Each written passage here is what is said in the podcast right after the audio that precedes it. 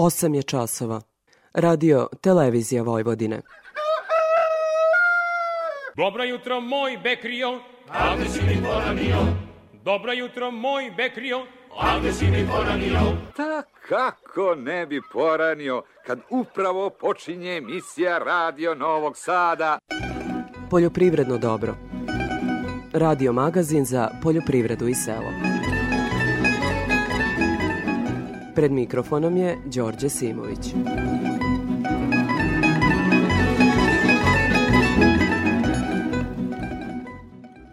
Poštovni slušalci, dobro jutro. Na poslednjim razgovorima premijerke Ana Brnabić sa poljoprivrednicima ponovo je pokrenuto pitanje osnivanja poljoprivredne komore.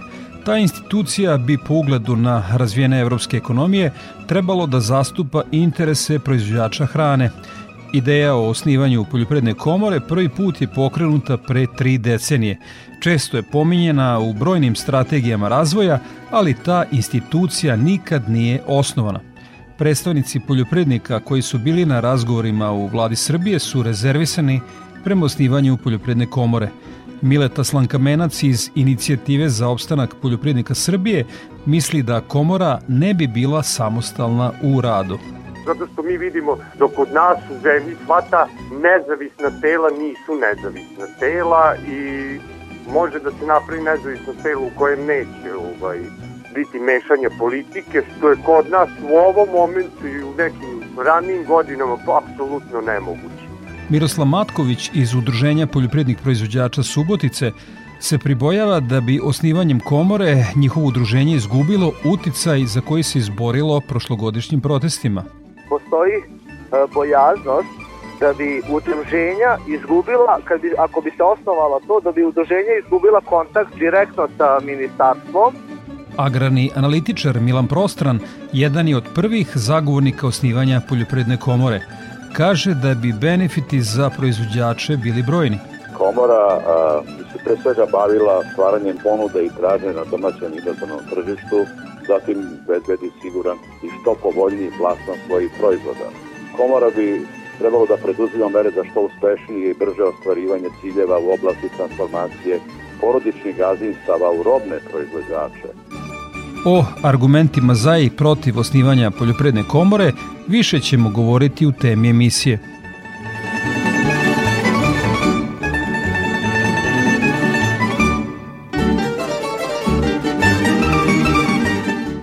Na Beogradskom sajmu četvrtak je počeo, a juče je završen peti međunarodni sajam voćarstva, povrtarstva i vinogradarstva Agro Belgrade. Uz bogat konferencijski deo posetioci su se upoznali sa proizvodima i uslugama nekoliko stotina izlagača. Na sajmu redovno nastupa i Gruža Agrar, direktor Miroslav Nikolić. Prvo mi je drago da je ova ideja o kojoj smo pričali godinama zaživela da voćari, vinogradari cvećari se, da kažem, nalaze na jednom, okupljaju na jednom specializanom sajmu kao što je ovaj ovde Agrobel. Detaljni izveštaj sa sajma ćete moći da čujete u sredu 31. januara od 16 časova i 10 minuta u emisiji Agroargumenti.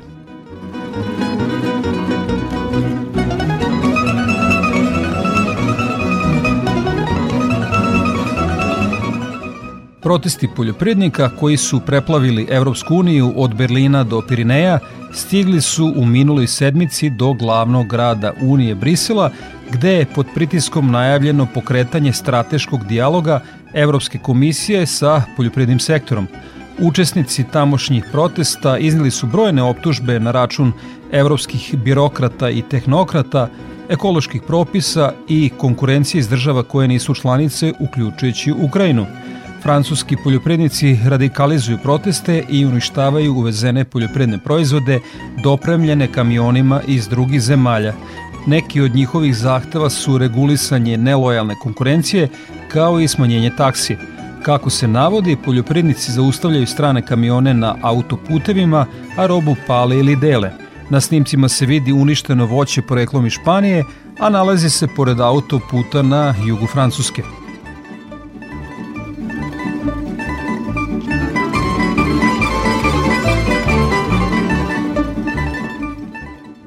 I za kraj uvoda najava tri značajna agrarna skupa. Sutra na Tari počinje 19. zimski seminar farmera, a u utorak 30. januara na Zlatiboru 58. savjetovanja agronoma i 50. simpozijum agrotehnika precizna poljoprivreda. Sa tih skupova očekujte izveštaje na talasima Radio Novog Sada. Toliko u uvodu slušamo Predraga Živkovića Tozovca i pesmo Ovamo cigani.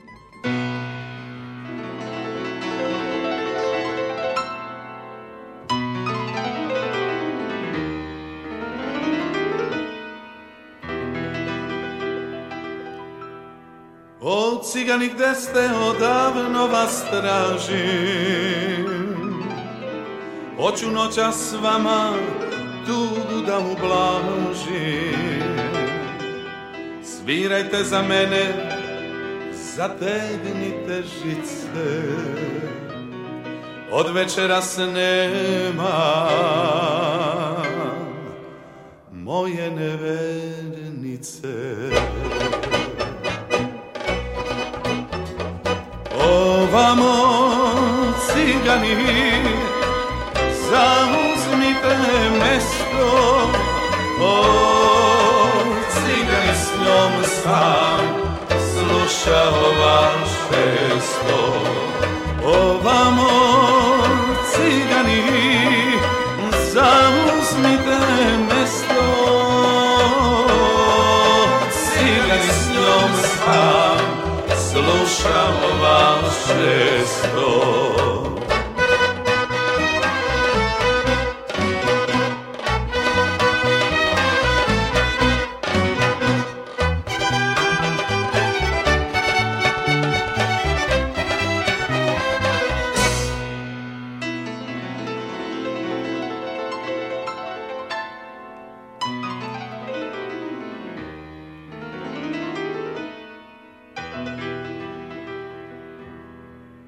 Verenički prsten vratila mi juče.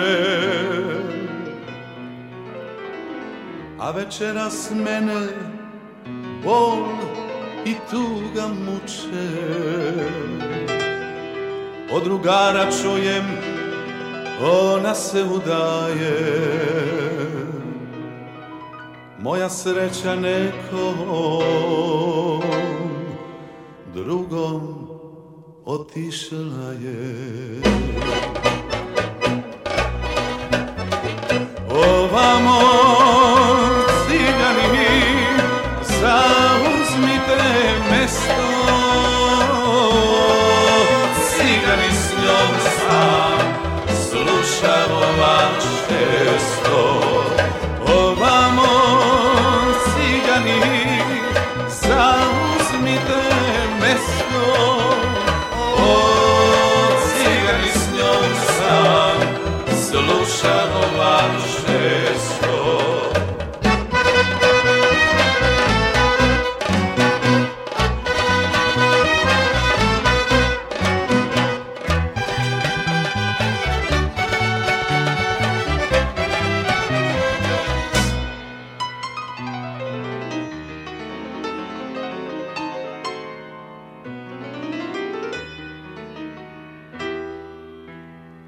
Kada uzmeš cigo, violinu svoju,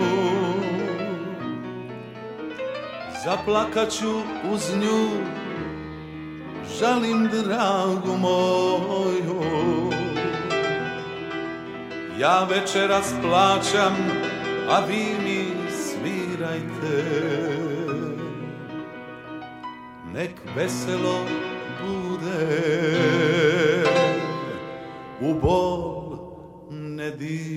dirajte. Ovamo cigani, zauzmite mesto, o cigani s njom sam slušao vaše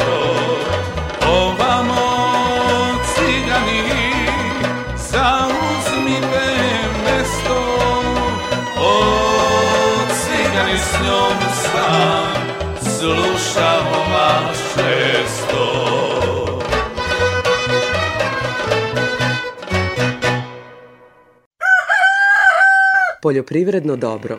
Radio Novi Sad.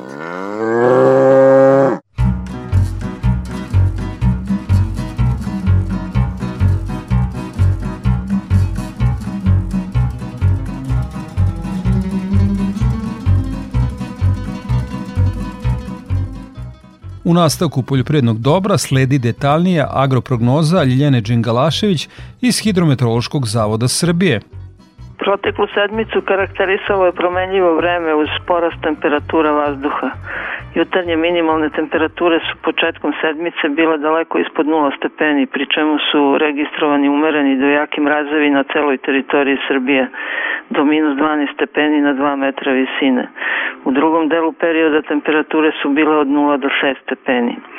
Pri tlu je bilo takođe umerenih do jakih mrazeva, do minus 15 stepeni. Maksimalne dnevne temperature su bile u rasponu od 0 do 14 stepeni, dok je u istočnim delovima zemlje pojedinih dana maksimalna temperatura bila nekoliko stepeni ispod nula. Toplotni uslovi su omogućavali apsolutno mirovanje useva i višegodišnjih kultura. Period nešto toplijeg i suvog vremena u drugom delu sedmice bio je pogodan za obavljanje radova na rezidbi i zaštiti u vinogradima i voćnjacima. Tokom proteklih sedam dana bilo je veoma slabih padavina u vidu kiše. Sa porastom temperatura tokom perioda došlo je do topljenja snežnog pokrivača u svim proizvodnim područjima, osim u brdsko-planinskim područjima, gde ga ima od 5 do 28 cm. U ovom delu zime je u voćnjacima, osim zaštite od glodara, aktualna zimska rezidba jabučastog voća. Ova preventivna mera ima za cilj kontrolu štetnih organizama. Prilikom rezidbe potrebno je ukloniti sve zaostale plodove iz prethodne godine, sasušene biljne delove, a po potrebi i čitava stabla, ukoliko su simptomi prisutni na deblu zbog toga što oni u predstojećoj vegetaciji predstavljaju izvor infektivnog materijala za dalje širanje štetnih organizama. Prema prognozi početkom sledeće sedmice u jutarnjim satima se očekuje slabi umeren mraz u većini mesta od minus 6 do 0 stepeni. Magla i niska oblačnost će se u ponedeljak i utorak po kotlinama, dolinama i unizijama zadržavati tokom celog dana. U ostalim krajevima biće pretežno sunčano. U drugoj polovini naredne sedmice bilo bi toplije sa maksimalnim temperaturama iznad 10 stepeni uz postepeno na oblačenje ponegde sa slabom kišom, a na planinama sa slabim snegom. Za radio Novi Sad iz Republičkog hidrometeorološkog zavoda Ljiljana Đingalašević.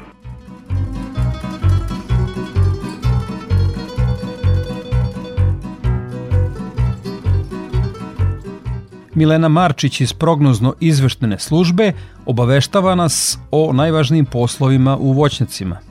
Naši vredni voćari ne miruju ni preko zime, tokom suvih i toplijih dana izvodi se rezidba. To je vrlo važna pomotehnička mera sa kojom se utiče na pravilan odnos između vegetativnih i generativnih pupoljaka kako bi se uspostavila ravnoteža između rasta i rodnosti i postigli dobri prinosi. Pored ovoga, Rezidba je izuzetno značajna mera i sa aspekta zaštite voća od prozrokovača bolesti i štetočina.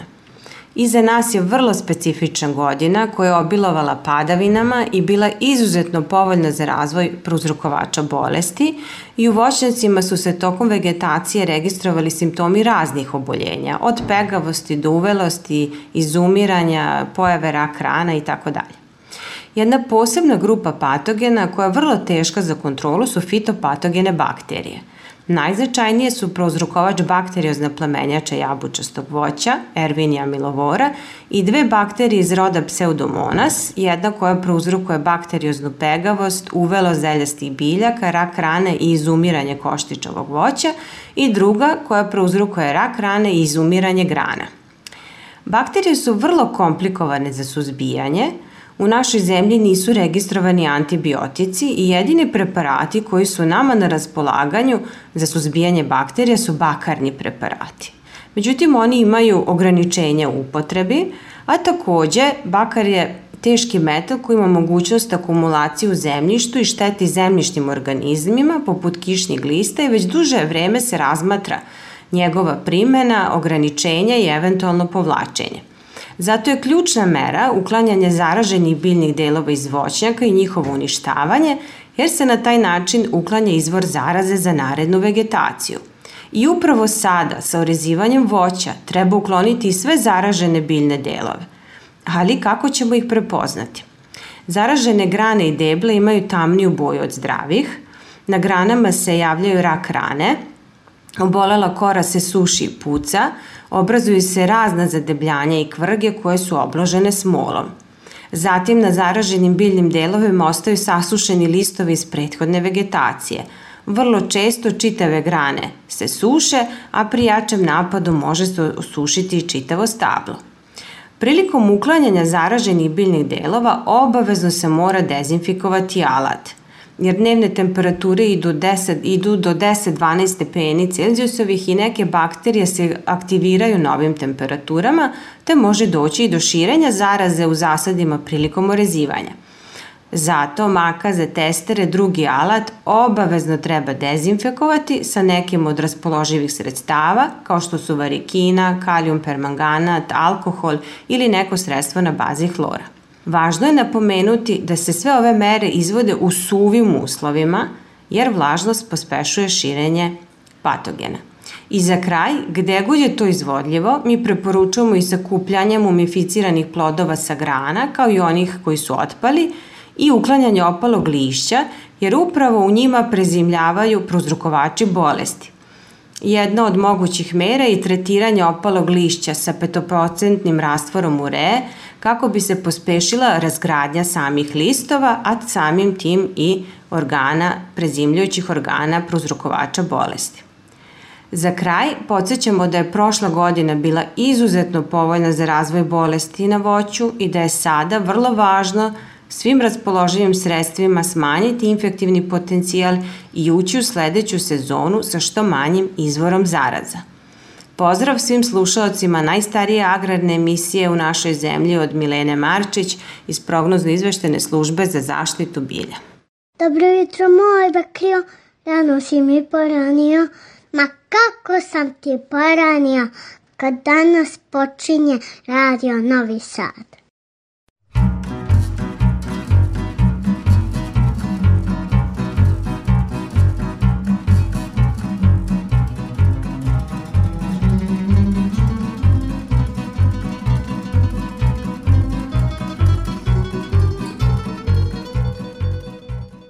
O prometu žitarica na produktnoj berzi više Andreja Kostić. U toku nedelje preko produktne berze prometovano je 1996 tona robe, finansijske vrednosti 70 miliona 380 hiljada 730 dinara. Kao i prethodne sedmice, ponovo se najviše trgovalo kukuruzom koji je činio 34% ukupnog prometa. Cena kukuruza bila je niža u odnosu na 7 dana ranije, dok su cene pšenice i soje zabeležile uzlazni trend cene. U toku čitave nedelje na tržištu kukuruza bila je primetna povećana tražnja u odnosu na ponudu. Kupci su potraživali kukuruz i bez analize na aflatoksini sa analizom, a tražnja je bila iskazana i na paritetu CPT luka i CPT kupac. Tokom sedmice kupci su pokazali interesovanje i za vlažnijim kukuruzom do 16% vlage. Kukuruzom se trgovalo u cenovnom rasponu od 17,20 do 17,40 dinara po kilogramu bez PDV-a.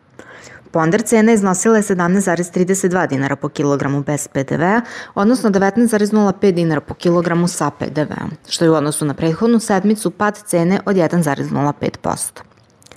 Kukuruz je, kao i prethodne dve nedelje, bio primarna kultura u trgovanju, zauzimajući udeo od 34% u ukupnom obimu prometa. Zaključan je jedan berzanski ugovor na paritetu CPT Luka uz avansno plaćanje po ceni od 17,70 dinara po kilogramu bez PDV-a. Prošlonedeljna povećana tražnja na tržištu pšenice nastavila se i ove nedelje, dok je ponuda bila slaba. Tražnja je bila iskazana i na paritetu CPT luka, a potraživala se i pšenica za stokšnu ishranu. Pšenicom se trgovalo u cenovnom rasponu od 19,40 do 21,50 dinara po kilogramu bez PDV-a u zavisnosti od parametara kvaliteta. Ponder cena iznosila je 19,63 dinara po kilogramu bez PDV-a, odnosno 21,60 dinara po kilogramu sa PDV-om, što je u odnosu na prethodnu nedelju rast cene od 1,8%. U ukupnom obimu prometa pšenica je učestvovala sa 11%. Za razliku od prethodne nedelje kada nije došlo do zaključenja berzanskih ugovora na tržištu soje, ove sedmice je došlo do povećanja aktivnosti. Sojinim zrnom se trgovalo u cenovnom rasponu od 52,50 do 53,40 dinara po kilogramu bez PDV-a uz obračun kvaliteta. Ponder cena iznosila je 52,72 dinara po kilogramu bez PDV-a, odnosno 57,99 dinara po kilogramu sa PDV-om, što je u odnosu na poslednju poređujući podatak rast cene od 1,29%. Kada su u pitanju mineralna đubriva, ove sedmice se trgovalo ureom po ceni od 46,08 do 47,37 dinara po kilogramu bez PDV, odnosno 392 do 403 evra po toni bez PDV u zavisnosti od pakovanja. A prometovan je jan u pakovanju 25 kroz 1 po ceni od 37,26 dinara po kilogramu, odnosno 317 evra po toni bez PDV. Od ostale robe trgovalo se još i suncokretovom sačmom sa 33% proteina po ceni od 30,10 do 30,50 dinara po kilogramu bez PDV-a uz jasan silazni trend cene. Sa produktne berze Andreja Kostić.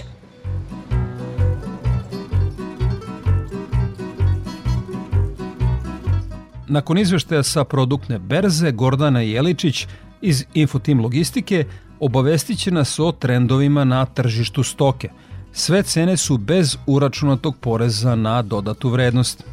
Tokom nedelje naši saradnici tovne svinje sa farme oglašavali su po ceni od 220 do 240 dinara po kilogramu, tovljenike sa mini farme po ceni od 215 do 230 dinara po kilogramu, a tovljenike iz otkupa po ceni od 215 do 220 dinara po kilogramu. Ukupno je tržištu ponuđeno preko 700 tovljenika. Tokom nedelje, plasman tovnih svinja sa farme dogovaren je po ceni od 228 do 230 dinara po kilogramu, dok su se tovljenici sa mini farme dogovarali po ceni od 215 dinara po kilogramu. Za iduću nedelju klaničari će farmsku robu plaćati 220 dinara po kilogramu. Prasaca farme oglašena su po ceni od 580 do 600 dinara po kilogramu, Prasaca mini farme po ceni od 537 do 555 dinara po kilogramu, prasad iz otkupa po ceni od 450 do 490 dinara po kilogramu. Prasad za klanje su ponuđena po ceni od 480 dinara po kilogramu. U ponudi smo imali oko 1000 prasadi. Nazimice za priplod ponuđene su po ceni od 50.000 dinara po komadu. Jagnjad su ponuđena po ceni od 470 do 510 dinara po kilogramu, ovce za klanje ponuđene su po ceni od 170 do 194 dinara po kilogramu. Šilježac su ponuđena po ceni od 450 dinara po kilogramu. Bikovi rase Holstein oglašeni su po ceni od 305 do 315 dinara po kilogramu, a bikovi simentalci po ceni od 343 do 359 dinara po kilogramu. Kada je živina u pitanju, jednodnevni pilići teške linije ponuđene su u rasponu od 47 do 60 dinara po komadu, 18-nedeljne koke nosilje ponuđene su po ceni od 700 dinara po komadu. Cene su izražene bez PDV-a. Za Radio Novi Sad, Gordana Jeličić iz Infotim Logistike. Slušamo Tomu Zdravkovića i pesmu Danka, pa u temi emisije ukrštamo argumente za i protiv osnivanja Poljopredne komore Srbije. Cele noći lutam ulicama pustim Danka Ti si moja ljubav najveća na svetu Danka da ti kažem koliko te volim Danka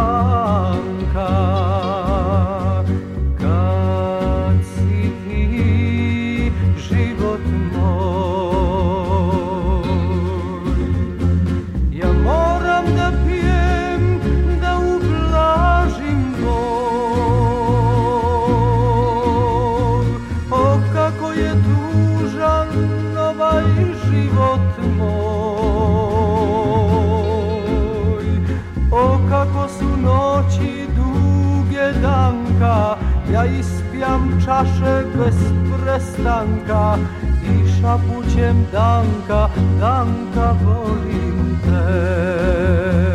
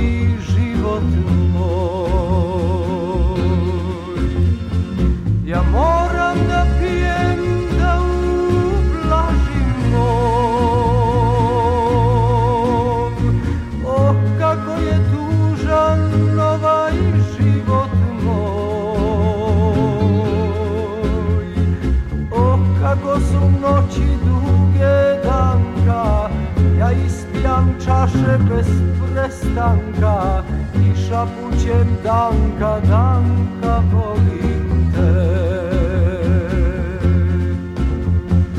I šapućem danka, danka volim te. Tema emisije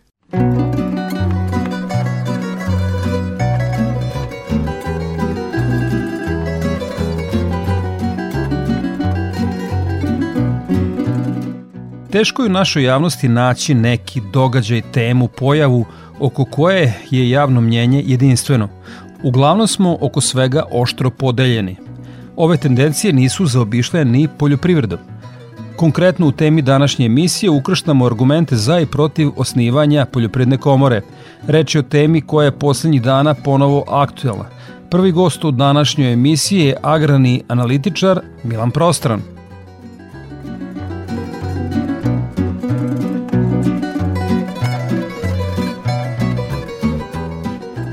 Uglavnom u našoj javnosti nema dovoljno informacija o tome zašto bi bilo dobro osnovati e, poljoprivrednu komoru i kojim poslovima bi se ona bavila. Pa neka to bude prvo pitanje za vas.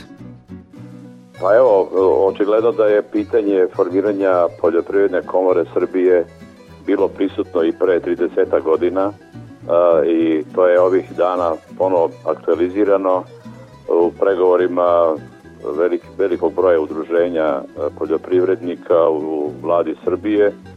Samo da se podsjetimo e, i da je još u dugoročnom programu razvoja poljoprivrede Srbije 90. godina u tom dokumentu stajala takva jedna e, preporuka.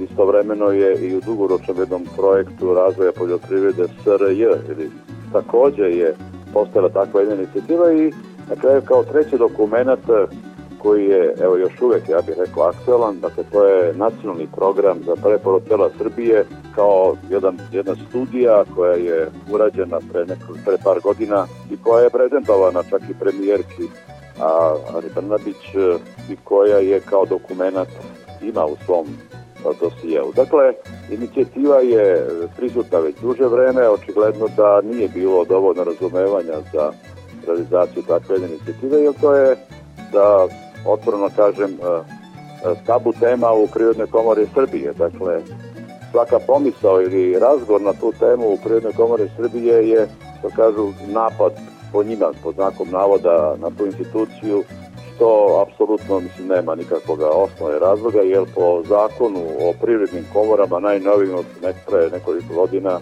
je dozvoljeno formiranje granskih privrednih komora, pa primjer radi postoji građevinska privredna komora i tako dalje, da sad ne idemo u detalje. A poljoprivrednih komora kao institucije je prisutna dugo u mnogim zemljama, pre svega u Evropskoj uniji, imajući vidu da ćemo, da mi težimo ka tom toj ekonomskoj zajednici.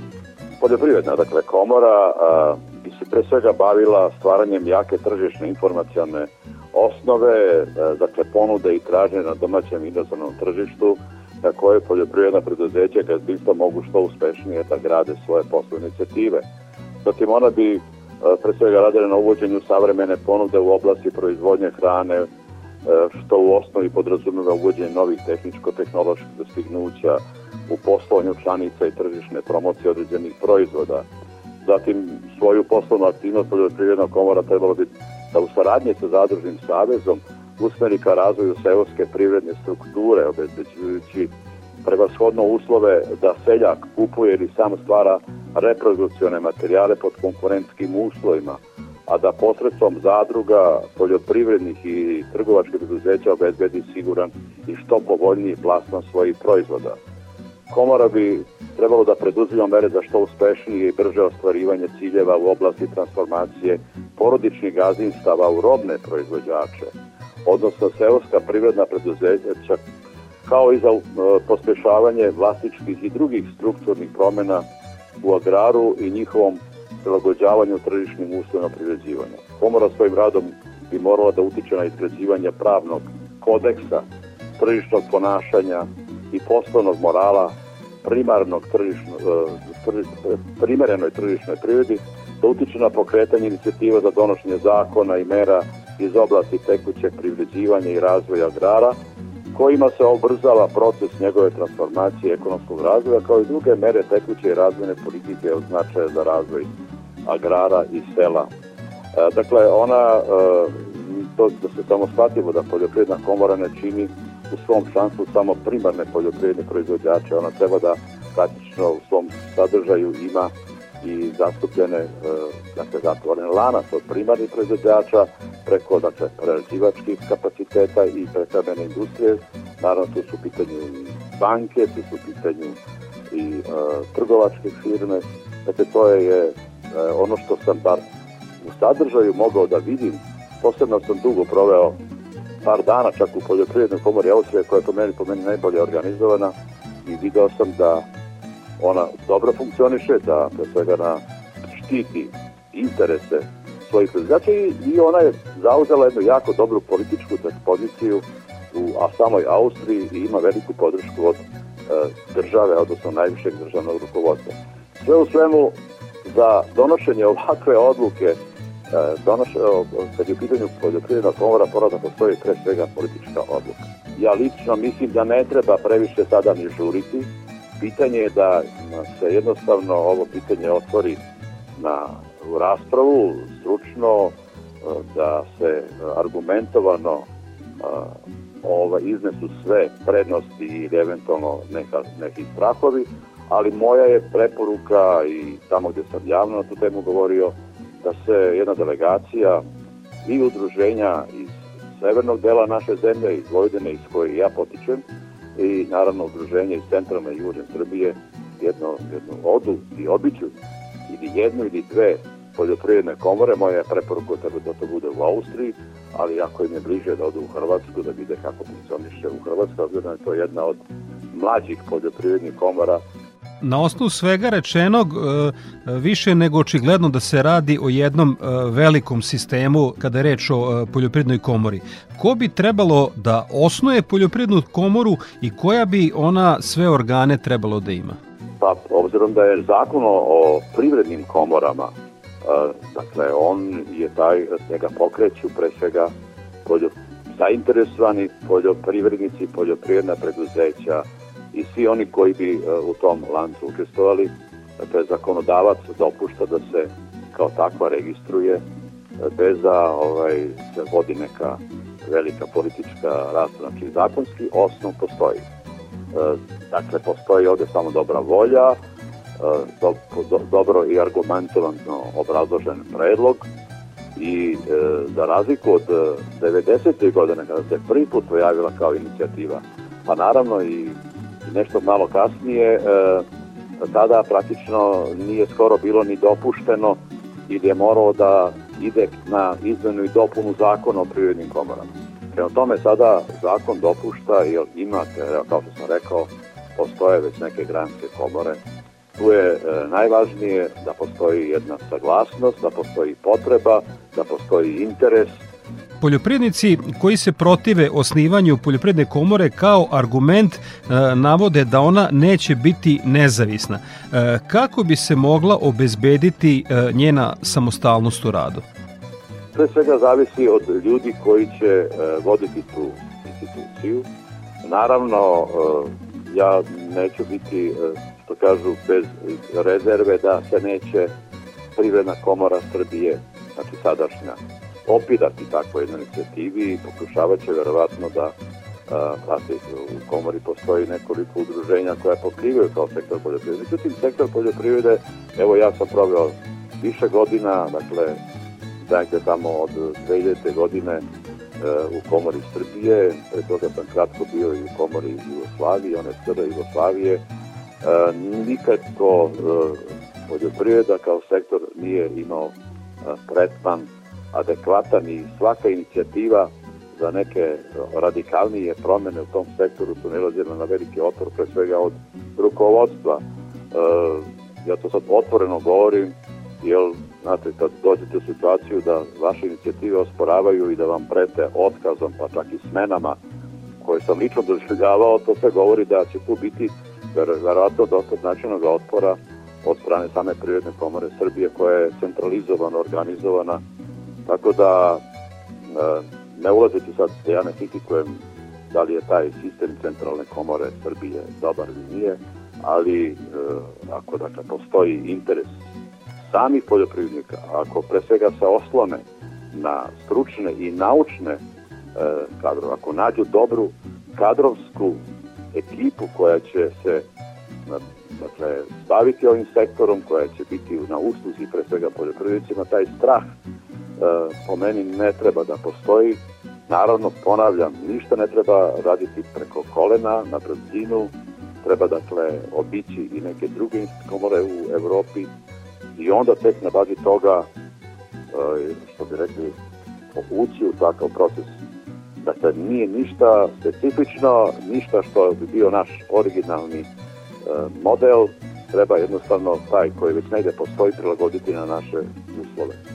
Koliko bi se druge strane izvršnoj vlasti, pre svega e, vladi Srbije, bilo u interesu da ima jednu jaku instituciju kao što je poljoprivredna komora, a ne da uh, u, u, razgovara sa desecima različitih poljoprivrednih udruženja koji često nemaju dovoljno dobro uh, artikulisane svoje zahteve.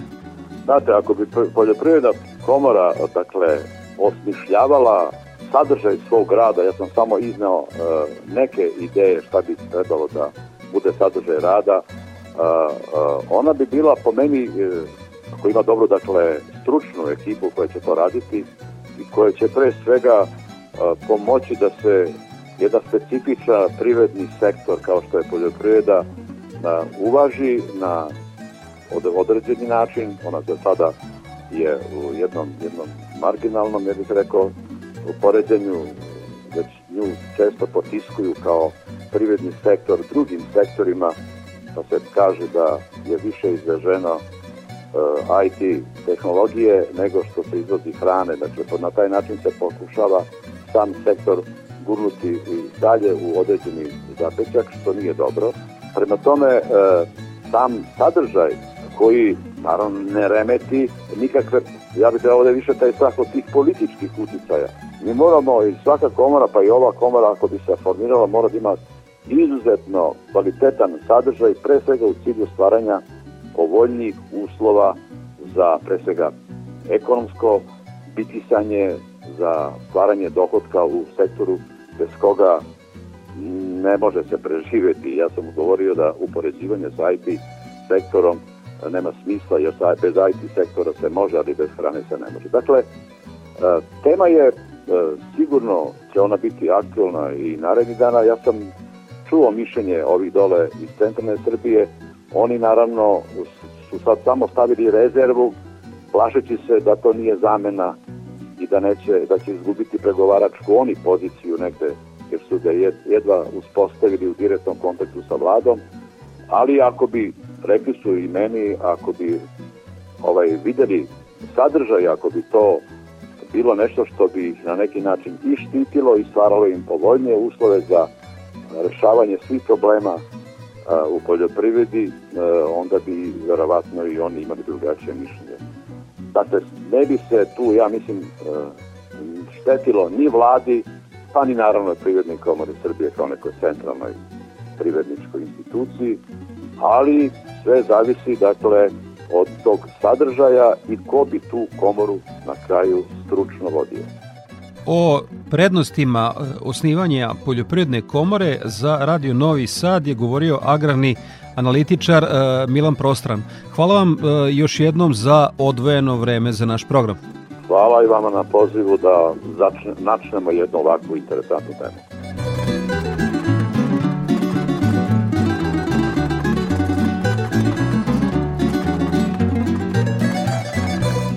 Kao što ste čuli, ideja o osnivanju poljopredne komore prvi put je pokrenuta pre tri decenije. Često je pominjena u brojnim strategijama razvoja, ali ta institucija nikad nije osnovana. I sad predstavnici poljoprednika koji su bili na razgovorima u vladi Srbije su rezervisani prema osnivanju poljopredne komore. Mileta Slankamenac iz inicijative za opstanak poljoprednika Srbije misli da komora ne bi bila samostalna u radu. Pitanje je ovaj, osnivanje te komore koja ko, prema našim saznanjima fanta, fantastično funkcioniše na primjer u Sloveniji i Austriji. E, generalno moje udruženje kojem pripadam je ne, odgovor je ne za osnivanje komore iz jednog jednostavnog razloga zato što mi vidimo dok kod nas u zemlji svata nezavisna tela nisu nezavisna tela i to je to. Može da se napravi nezavisno telo u kojem neće ovaj, biti mešanja politike, što je kod nas u ovom momentu i u nekim ranijim godinama apsolutno nemoguće. Mi, mi ni ne znamo koji je princip osnivanja komore, ko, os, ko, ko, ko osno, osniva komoru i ko će učestvovati u njenom radu. Uh, postoje neke priče da bi u njenom radu udruženja delegirala svoje predstavnike. Sad, koje udruženje je legitimno, koje udruženje je reprezentativno, kako bi se to trebilo, to niko ne zna. Čak i ako bi se prebrojavala neka legitimnost, kod nas naj, najveća politička stranka ima najveći broj članstva, može da ugura neke članove u ta udruženja i to je to. Tako da je za sada generalno ne, ne znamo ni predlog zakona o komorama niti bilo šta. Koliko čujemo u Hrvatskoj je ta komora formirana i nisu baš nezadovoljni s njom. Nemamo iskustva s ne, sa nečim takvim. U Srbiji postoji Zadružni savez Srbije, Zadružni savez Vojvodine. Mi imamo dugogodišnju, pa čak i vekovnu tradiciju zadrugarstva u Srbiji. Zadrugarstvo je i osnovano u Srbiji za borbu protiv zelenaša i, i tih e, zelenaških kamata, lihvara i tako da da bi možda trebalo ići u, u, u razvijenje priče zadrugarstva, ali ne on zadrugarstva koje mi imamo. Danas njih troje, četvoro, petoro osnuju zadrugu, pa uđu u neku državnu zemlju po tom osnovu na ime nekih investicija ili opet da se dobiju neke države, pare od države kao podobni zato, nego prave seljačke zadruge koje će ljudi osnivati u svojim selima, u svojim okruženjima radi ostvarivanja nekih svojih zajedničkih interesa, pa onda ti ljudi delegirati dalje i svojih zadruga dalje na viši nivo, dalje u zadruži Savez Vojvodine ili Srbije, kako god. Miroslav Matković iz Udruženja poljoprednih proizvođača Subotice se pribojava da bi osnivanjem komore njihovo udruženje izgubilo uticaj za koji se izborilo prošlogodišnjim protestima. Na našoj sednici koja je održana pre par dana postavljena je tema e, o osnivanju poljoprivredne komore. Sa većinskim glasom je odlučeno da ne podržavamo formiranja poljoprivredne komore, jer i sami poljoprivrednici koji su i članovi, nije im je jasno šta bi sa time se doprinuli. Znači, e, mogu da kažem da postoji e, bojaznost da bi udruženja izgubila, kad bi, ako bi se osnovala to, da bi udruženja izgubila kontakt direktno sa ministarstvom i gde bi nama još u stvari još otežalo i mi bi se samo udajili korak unazad. Uh, ne mogu da kažem da nije sad da ne postoji mogućnost da mi nećemo promeniti naše mišljenje. Ako do toga dođe, ponovo ćemo razmatrati. Za sad je naš stav trenutno da mi ne podržavamo poljoprivrednu komoru.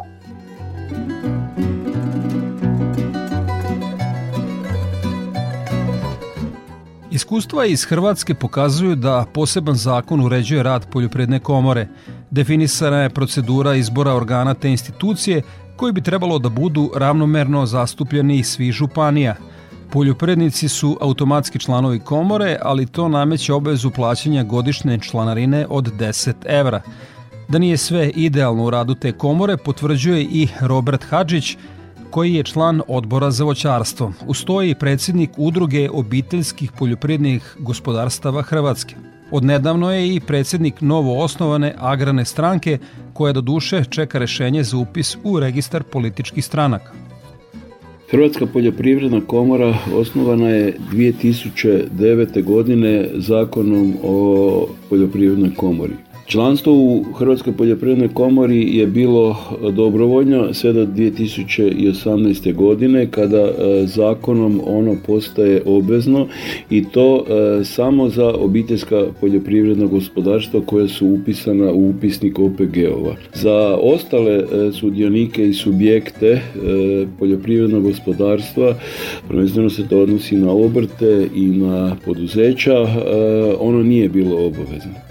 Međutim, od samoga početka Hrvatska poljoprivredna komora koja je trebala zastupati interese malih i srednjih poljoprivrednika vidjelo se da zapravo ona predstavlja interese uske interesne skupine i velikih subjekata u sektoru poljoprivrede, što je potpuno suprotno trenutnom i zakonskom e, rješenju.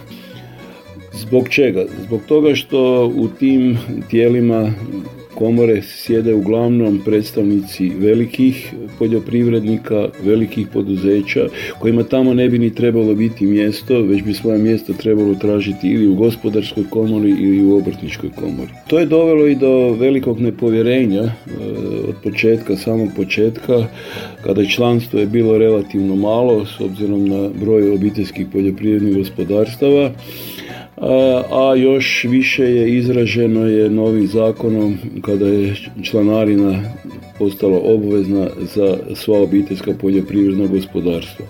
Hrvatska poljoprivreda je bila pred velikim izazovima u posljednjih 15 godina od osnutka same komore. Pripreme za ulazak u Europsku uniju, pregovori iz poglavlja poljoprivrede koji su bili vrlo teški, postavljanje Hrvatske u tom smislu da štiti interese vlastitih malih i srednjih proizvođača.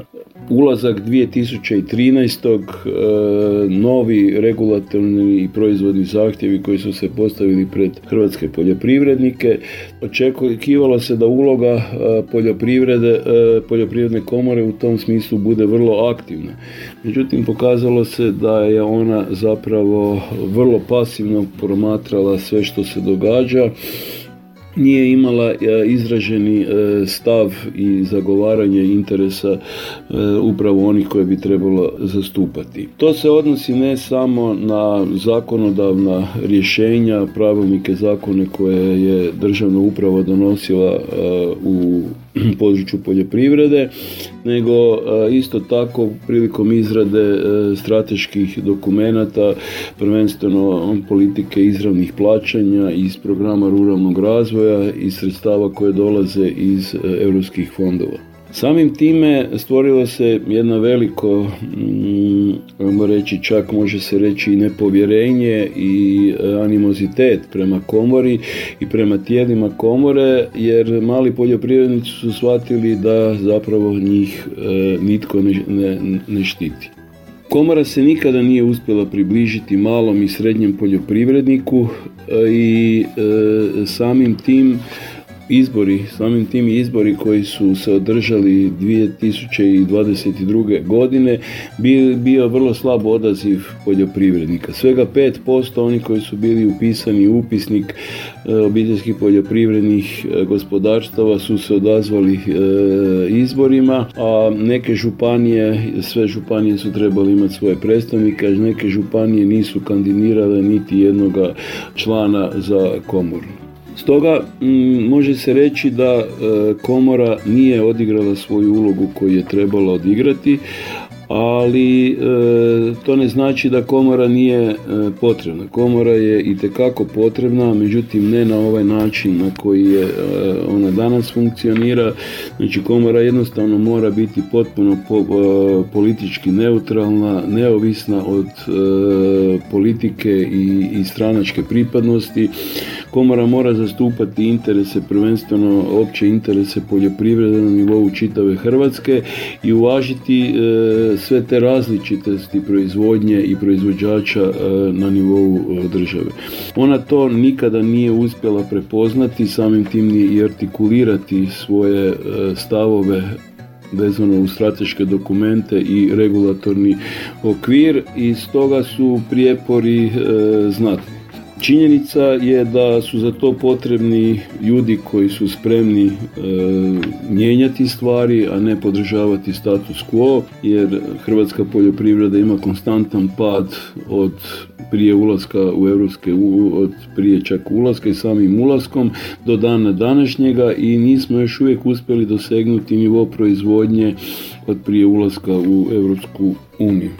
Ono što se može reći jedino da je pozitivno što su poljoprivrednici u određenoj mjeri ipak bili informirani onime što se događa e, vezano uz europski regulatorni okvir i mogućnosti koje se pružaju ulaskom u Europsku e, uniju. Međutim, to je vrlo slabo prenošeno i transferirano prema e, malim i srednjim e, poljoprivrednicima. I u tom slučaju su veliki sustavi, velike tvrtke bile u povlaštenom e, položaju. Član odbora za voćarstvo u Poljoprivrednoj komori Hrvatske Robert Hadžić nam je veoma detaljno skenirao rad te komore od njenog osnivanja do danas. S namerom sam pustio ceo snimak i nakon njegovog preslušavanja izdvaja se nekoliko zaključaka – Kod nas ne bi trebalo žuriti sa osnivanjem poljopredne komore. Važno je jasno definisati zakonodavni okvir kojim bi se regulisao njen rad i na kraju trebalo bi sve uraditi da komora zadrži koliku toliku nezavisnost u radu. Dok se to ne desi, razumljiva je rezervistanost seljaka prema osnivanju komore, a i u interesu vlade Srbije da dobije jaku reprezentativnu komoru – ona ne bi pregovarala sa desetinama predstavnika poljoprivrednika, već sa predstavnikom komore koji će zastupati interese svih poljoprivrednika Srbije. Bar bi tako trebalo da izgleda u teoriji, a nadamo se i u praksi. Toliko u temi emisije slušamo Vasiliju Radojičić i pesmu Dimitrio Sine Mitre.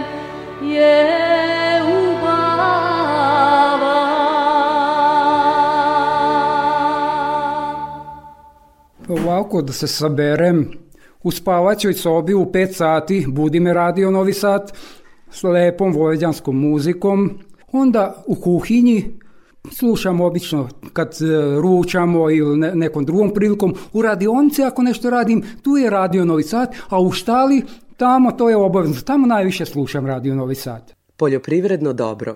Radio Novi Sad. Ja stanicu ne menjam.